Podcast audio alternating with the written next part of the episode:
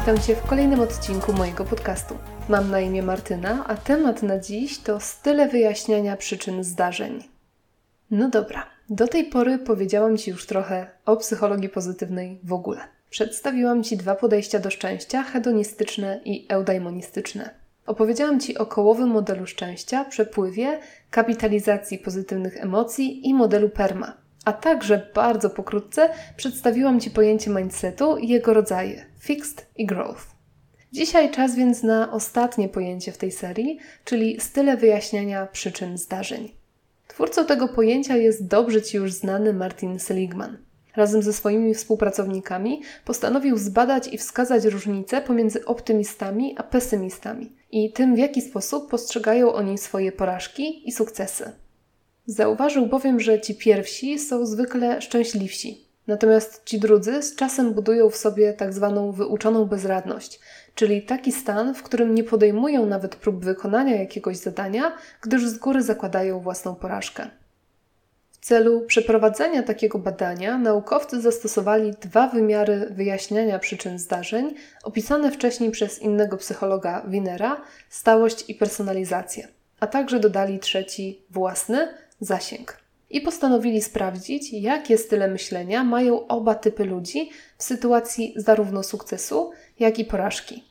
Personalizacja określa źródło danej sytuacji. Może być wewnętrzna lub zewnętrzna, co oznacza, że osoba albo uważa, że sama jest przyczyną zdarzeń, albo uważa, że wszystko, co się dzieje, zależy od czynników zewnętrznych, od niej niezależnych. Stałość przewiduje częstotliwość występowania danego zdarzenia, czyli zdarzenia mogą być albo stałe, czyli występujące zawsze lub bardzo często, albo zmienne, czyli cokolwiek się dzieje, to jest to przejściowe. I wreszcie zasięg określa obszar działania przyczyn danego zdarzenia. Przyczyny zdarzeń mogą być więc globalne albo specyficzne, w zależności od tego, czy dotyczą wszystkich sytuacji, czy tylko tej jednej konkretnej. No i dobra, przejdźmy do wyników, będzie to łatwiej zrozumieć. Ostatecznie Seligman wyróżnił cztery style wyjaśniania przyczyn zdarzeń. Styl pierwszy optymistyczny styl wyjaśniania sukcesów. Występuje wtedy, kiedy uważamy, że przyczyny naszego sukcesu są wewnętrzne, czyli to dzięki moim zdolnościom, stałe, czyli jak chcę, to zawsze w końcu osiągam sukces, i globalne. Udało się teraz, to i następnym razem się uda.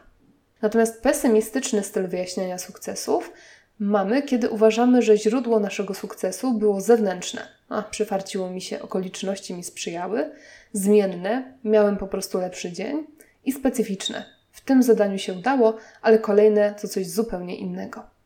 Jak więc widzisz, konstruktywny styl wyjaśniania sukcesów to wewnętrzność plus stałość plus globalność.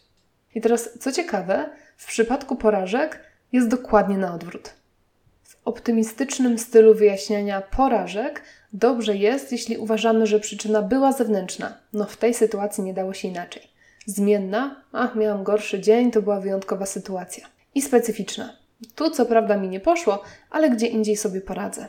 Natomiast pesymistyczny styl wyjaśniania porażek to uważanie, że przyczyna była wewnętrzna, ach to przez mój brak talentu, stała, już tego nie zmienię, taki jestem, i globalna, czego się nie podejmę, to to zawalę.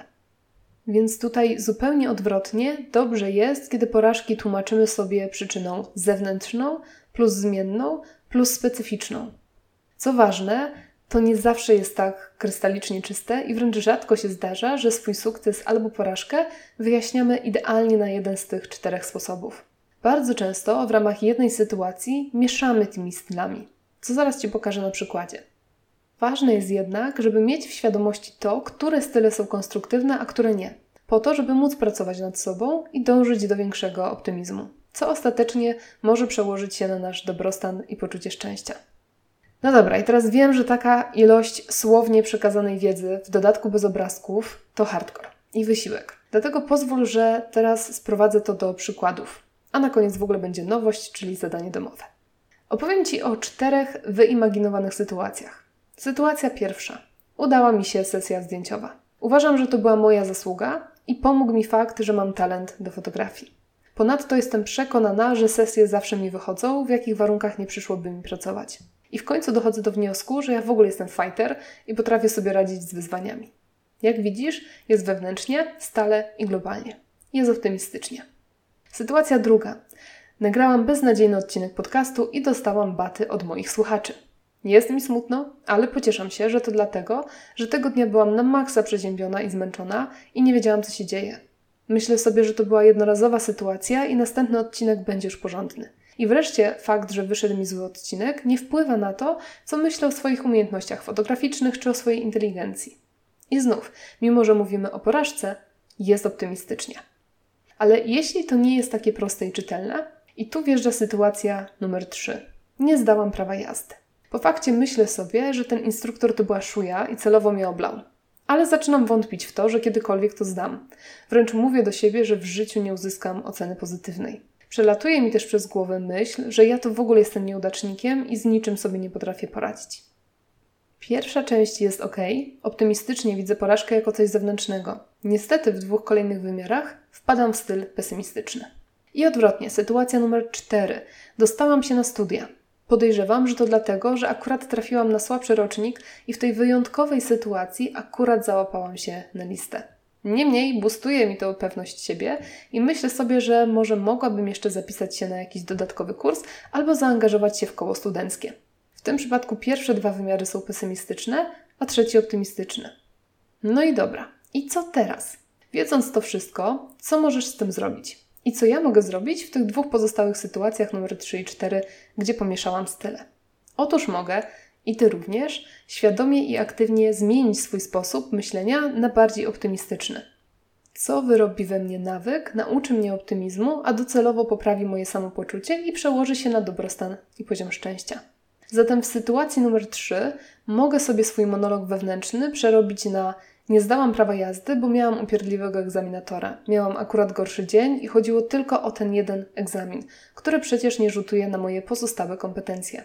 A w sytuacji numer 4 mogę pomyśleć, dostałam się na studia, bo miałam dobre wyniki i oceny. Jestem w stanie osiągać swoje cele i potrafię poradzić sobie z każdą sytuacją.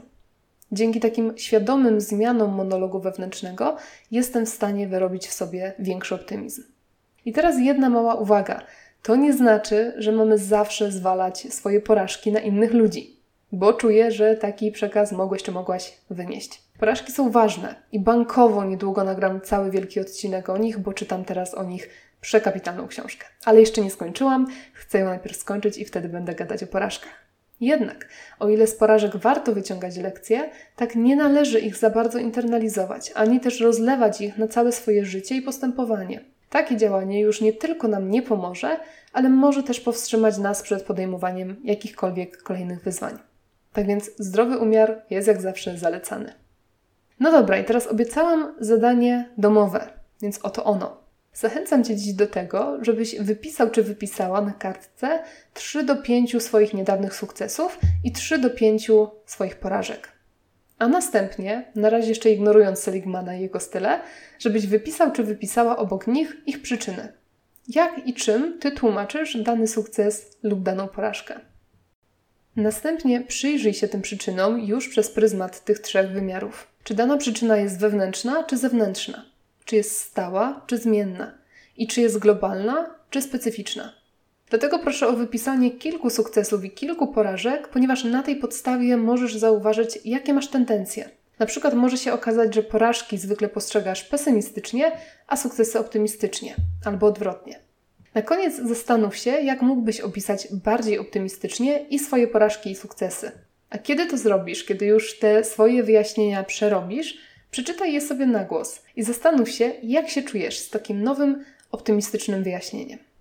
Żeby było Ci łatwiej, na stronie tematnadziś.pl zamieściłam czytelny spis tych stylów, który pomoże Ci w wykonaniu tego zadania. Oczywiście znajduje się w opisie tego odcinka. Ok, no i to tyle na dziś. Uff, mam wrażenie, że w ogóle był to bardzo zakręcony i trudny do przyswojenia odcinek, a na pewno był on dla mnie trudny do przekazania, ale mam nadzieję, że podołałam temu zadaniu i choć trochę zrozumiałeś czy zrozumiałaś, co miałam na myśli. Tym samym dzisiaj kończymy moją mini serię z psychologią pozytywną. Dziękuję Ci ślicznie za wysłuchanie tych kilku ostatnich odcinków. Mam nadzieję, że były dla Ciebie ciekawe i że coś dla siebie z nich wyciągnąłeś czy wyciągnęłaś, a co za tym idzie, że już niedługo staniesz się jeszcze szczęśliwszym człowiekiem.